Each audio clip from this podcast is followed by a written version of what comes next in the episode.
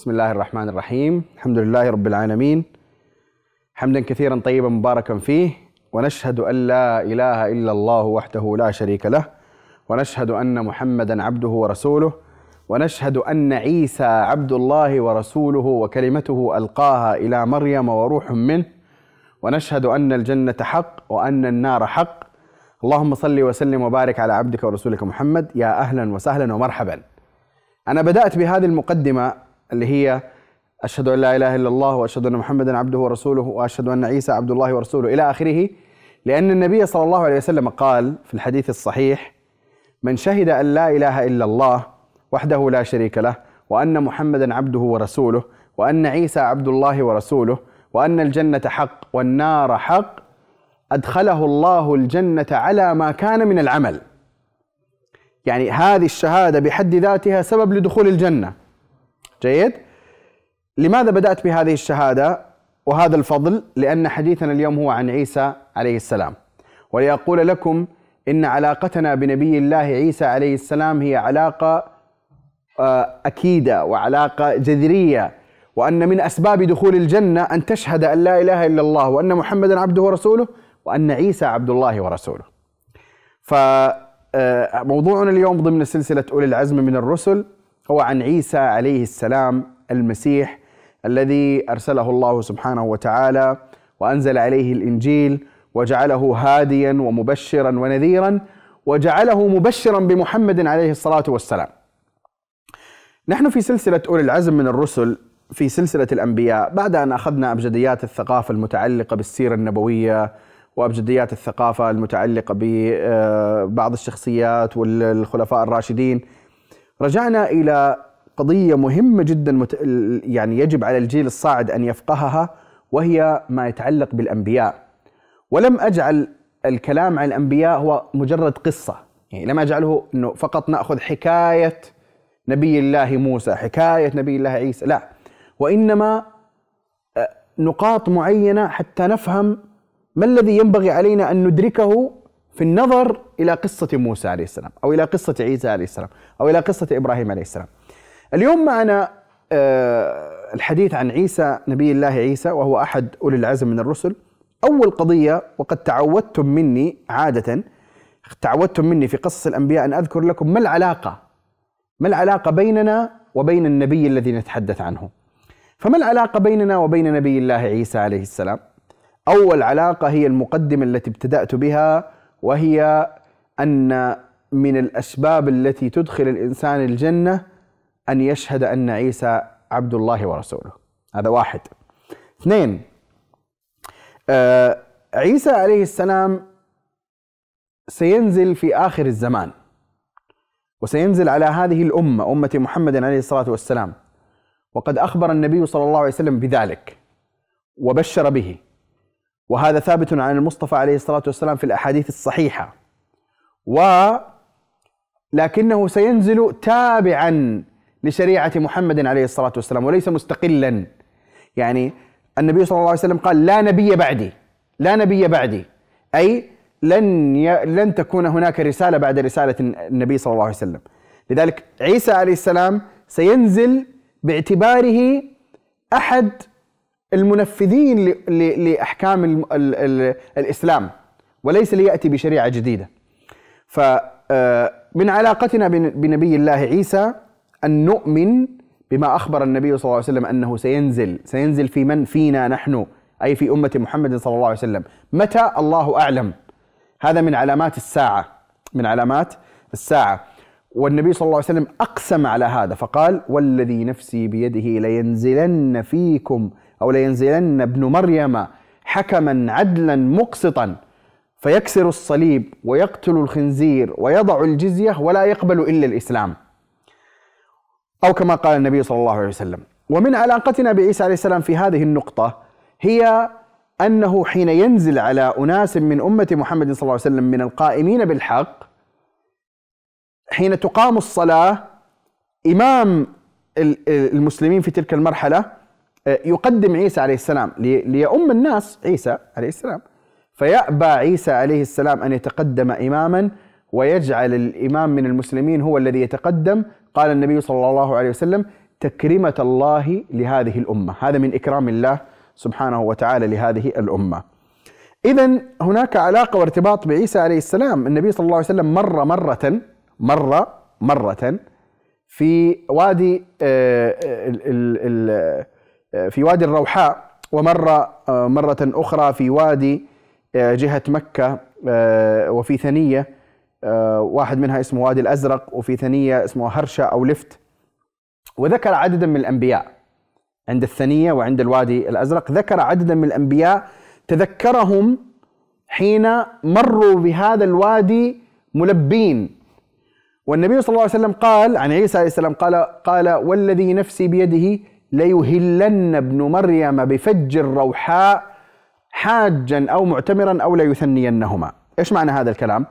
الروحاء منطقة بعيدة عن المدينة تقريبا يعني 60 إلى 80 كيلو جهة آه، الساحل. آه، هذه الروحاء منطقة قديمة وهي منطقة في الطريق إلى مكة. ليست في الطريق السريع الموجود اليوم بين المدينة ومكة وإنما في الطريق القديم طريق القوافل. طريق القوافل كان ينزل من المدينة ويمر بالروحاء وبعد آه، الروحاء يأتون إلى منطقة اسمها المنصرف فينصرفون إلى جهة مكة يمرون بوادي اسمه القاحة ثم ينزلون على منطقة آه، اسمها الأبواء وهي معروفة إلى اليوم ثم يكملون إلى مكة من جهة ثول الموجودة اليوم المعروفة باسمها إلى اليوم. هذه منطقة الروحاء سيمر منها عيسى عليه السلام سيمر منها عيسى عليه السلام ليحج أو يعتمر في آخر الزمان. وهذا كما قلت من الأمور التي نؤمن بها في علاقتنا بنبي الله عيسى آه، عليه الصلاة وأتم التسليم.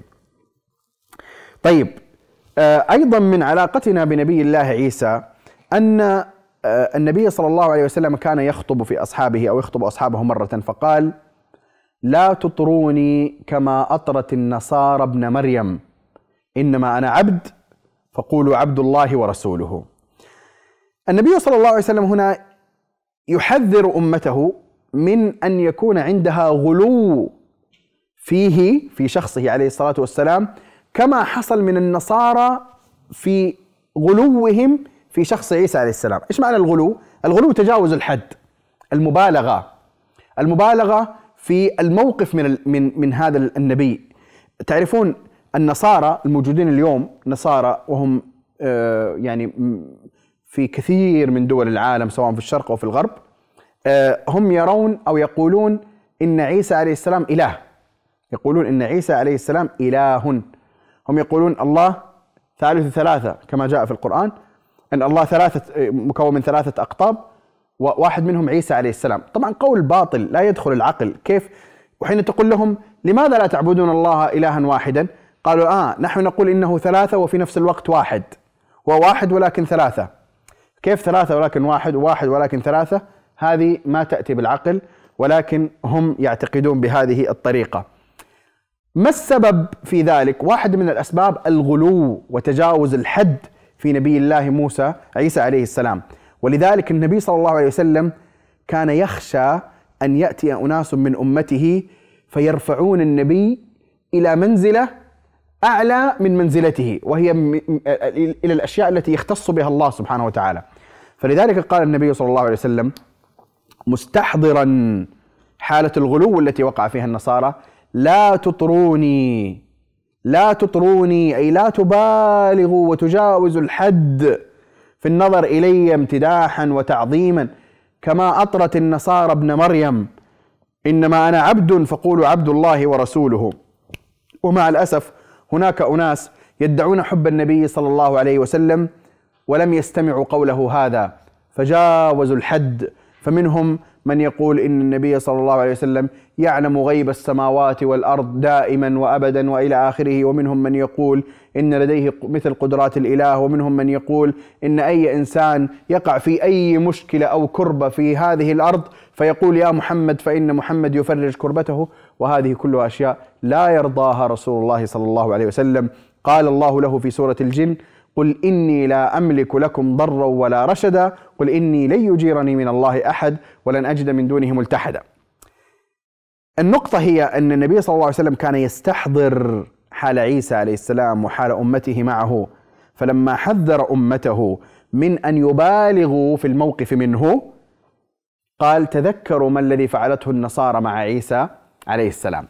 طيب أنا عندي سؤال.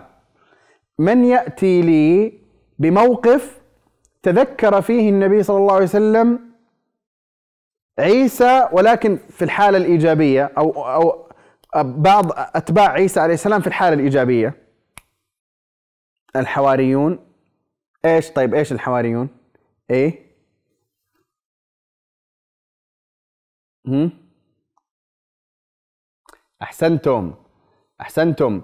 إن لكل نبي حوارية وإن حواري الزبير وإن حواري الزبير ابن العوام. طبعا هو ليس الحديث لم يقل عيسى عليه السلام ولكن معروف أن الحواريين أكثر ما يطلقون على أنصار عيسى عليه السلام. فهنا تذكر النبي صلى الله عليه وسلم الحواريين ها؟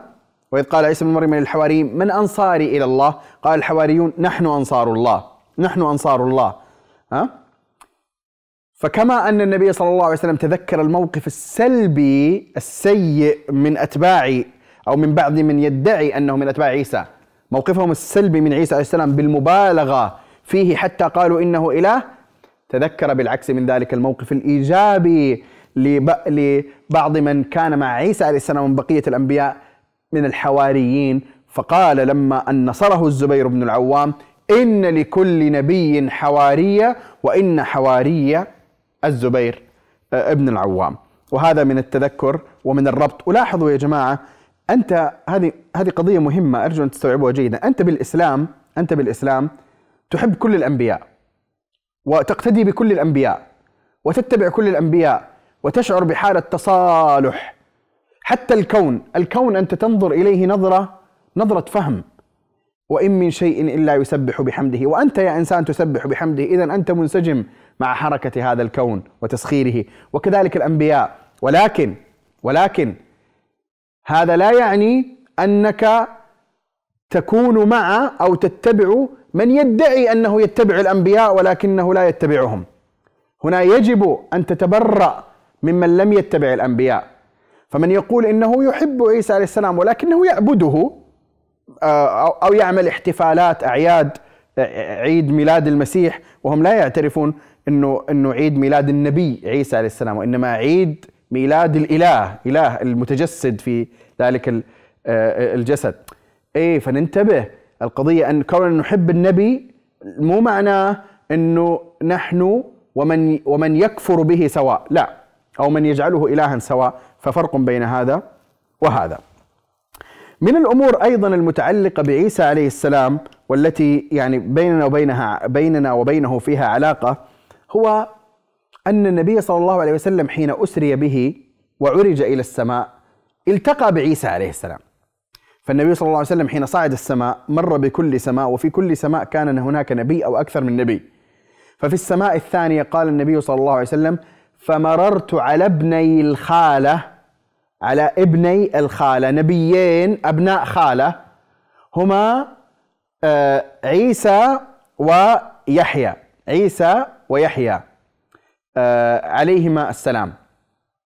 فمر النبي صلى الله عليه وسلم عليهما في السماء الثانية آه، وهذا من الأشياء التي تجعل هناك علاقة وارتباط بينك وبين هؤلاء الأنبياء أن كان نبيك قد التقى بهما. ولذلك يوم القيامة يوم القيامة حين يكون هناك كربات شديدة وأهوال آه، يعني هناك ذاك الموقف العظيم العصيب الشديد جدا الناس الناس في ذلك الموقف حتى الكفار منهم حتى الذين سيعذبون منهم مع طول الموقف مع طول الموقف يذهبون يبحثون عن شفاعة أحد عند الله سبحانه وتعالى حتى حتى يقضى بين الناس.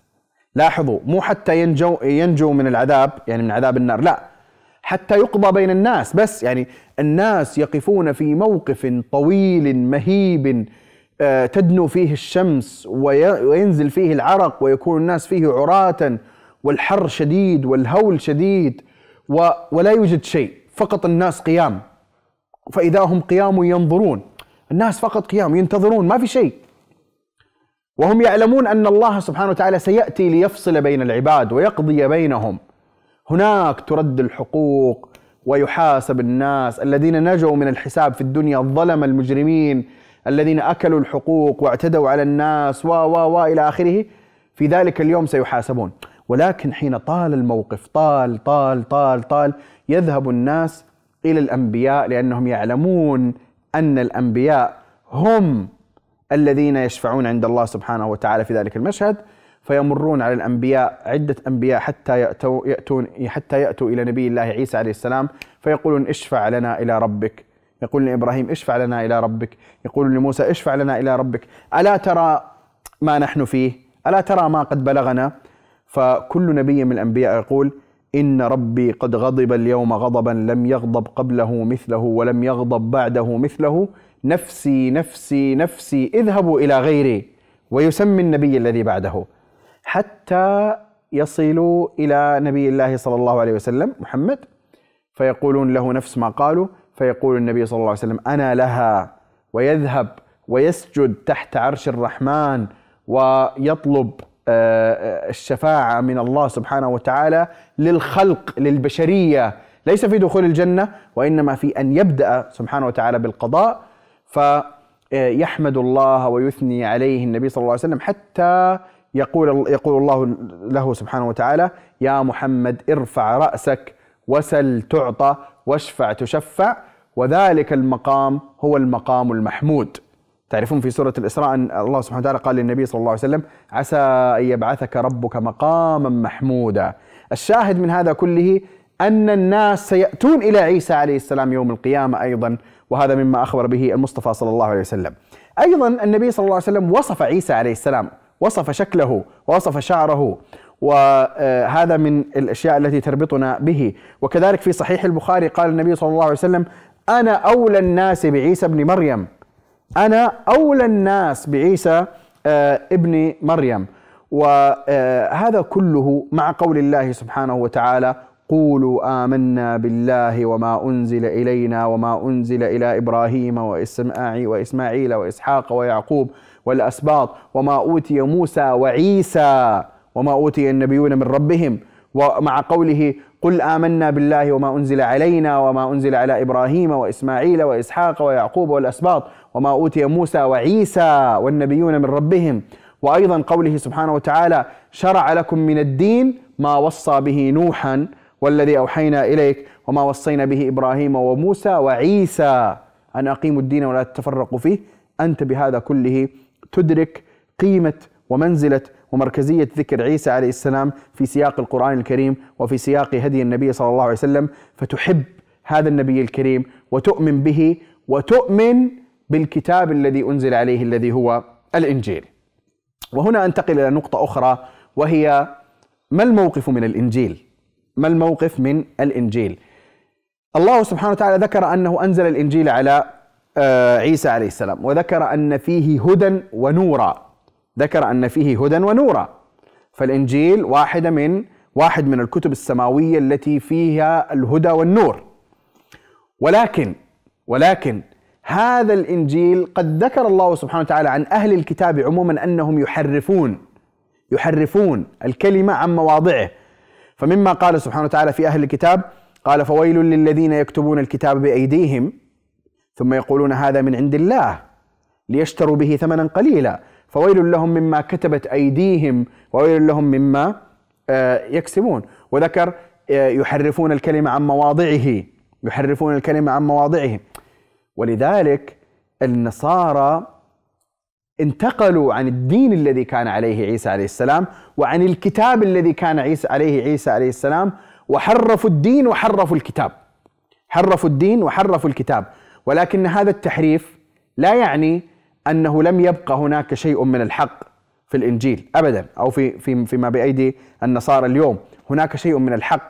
لذلك قال النبي صلى الله عليه وسلم لا تصدقوا أهل الكتاب ولا تكذبوهم. وحدثوا عن بني إسرائيل ولا حرج. لا تصدقوهم ولا تكذبوهم. ليش؟ لأن هناك أشياء من الحق عندهم فلا تكذبوا. وفي نفس الوقت لا تصدقوا لأنه هناك أشياء كثيرة تقال ليست ليست لها مستندات أو معتمد.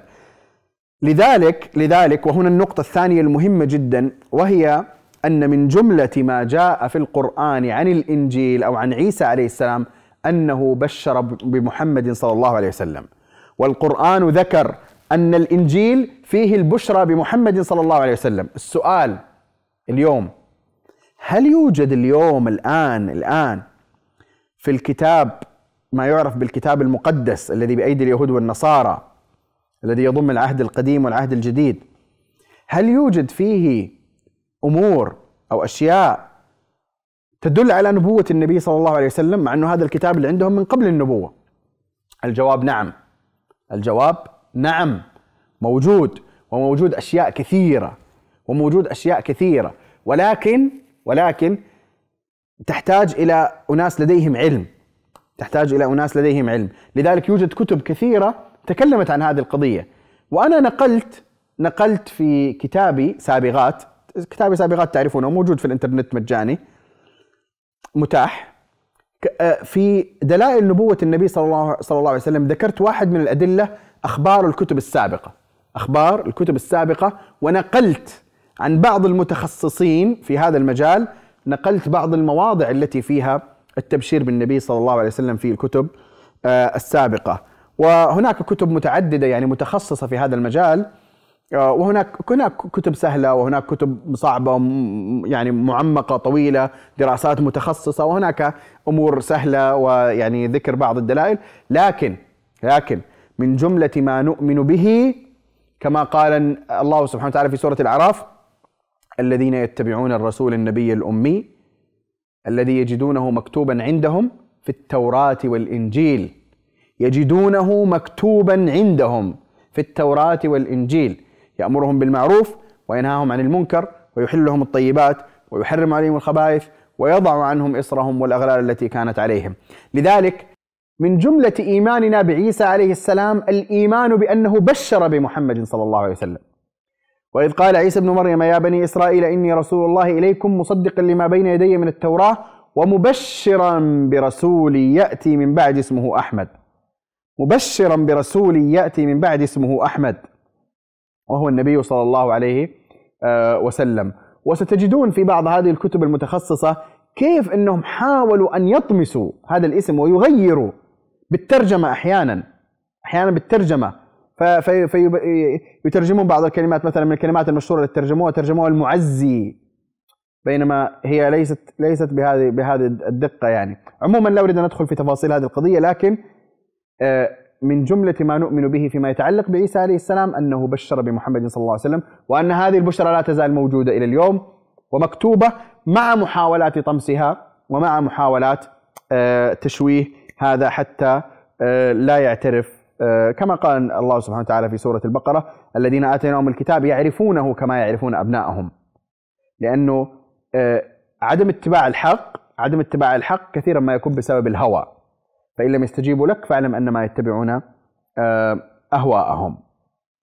طيب إذا عيسى عليه السلام هو رسول من الرسل من أولي العزم من الرسل الذين أرسلوا إلى بني إسرائيل وأنزل الله عليه الكتاب أنزل الله عليه الإنجيل فيه هدى ونور فيه توجيهات وإرشادات وأخلاق وعقائد وهو مصدق لما بين يديه من التوراة كثير من الأمور. الإنجيل هي مؤكدة لما جاء في آه، الكتاب السابق الذي هو التوراة ومبشرا مبشرا بالنبي صلى الله عليه وسلم مبشرا بالرسول الذي سيأتي بعد ذلك وهو آه، آه، يعني عيسى عليه السلام واجه مشكلات وتحديات كما يواجه الأنبياء. الأنبياء دائما يبتلون فكان من جملة الابتلاءات التي ابتلي عيسى عليه السلام أنهم حاولوا أن يقتلوه حاولوا أن يقتلوه و أن يصلب أن يصلبوه. ولكن نجاه الله سبحانه وتعالى كما قال سبحانه وتعالى وما قتلوه وما صلبوه. ولكن شبه لهم. وقال سبحانه وتعالى يا عيسى إني متوفيك ورافعك إلي ومطهرك من الذين كفروا وجاعل الذين اتبعوك فوق الذين كفروا إلى يوم القيامة. فهو هذا عيسى عليه السلام علاقتنا به أننا نؤمن به وبما جاء به ونحبه ونواليه ونوالي من يتبعه ويتبع ما جاء به وبشر به من نبوة محمد صلى الله عليه وسلم. ونعتقد أن من يؤمن به ولا يؤمن بمحمد صلى الله عليه وسلم فقد كفر بعيسى عليه السلام قبل أن يكفر بمحمد صلى الله عليه وسلم لأن عيسى عليه السلام بشر به وقال اتبعوه ومن لم يتبعه فيكون قد كفر بعيسى عليه السلام. ونؤمن كذلك بأن عيسى عليه السلام سينزل في آخر الزمان حكما عدلا مقسطا كما قال المصطفى عليه الصلاة والسلام. وبهذا العرض المجمل والمختصر أكون قد تحدثت عن النبي الرابع من سلسلة الأنبياء في سلسلة أولي العزم من الرسل. أسأل الله سبحانه وتعالى أن يجمعنا بأنبيائه في جنته وأن يتقبل منا ومنكم صالح الأعمال. وصل اللهم على نبينا محمد وعلى آله وصحبه أجمعين.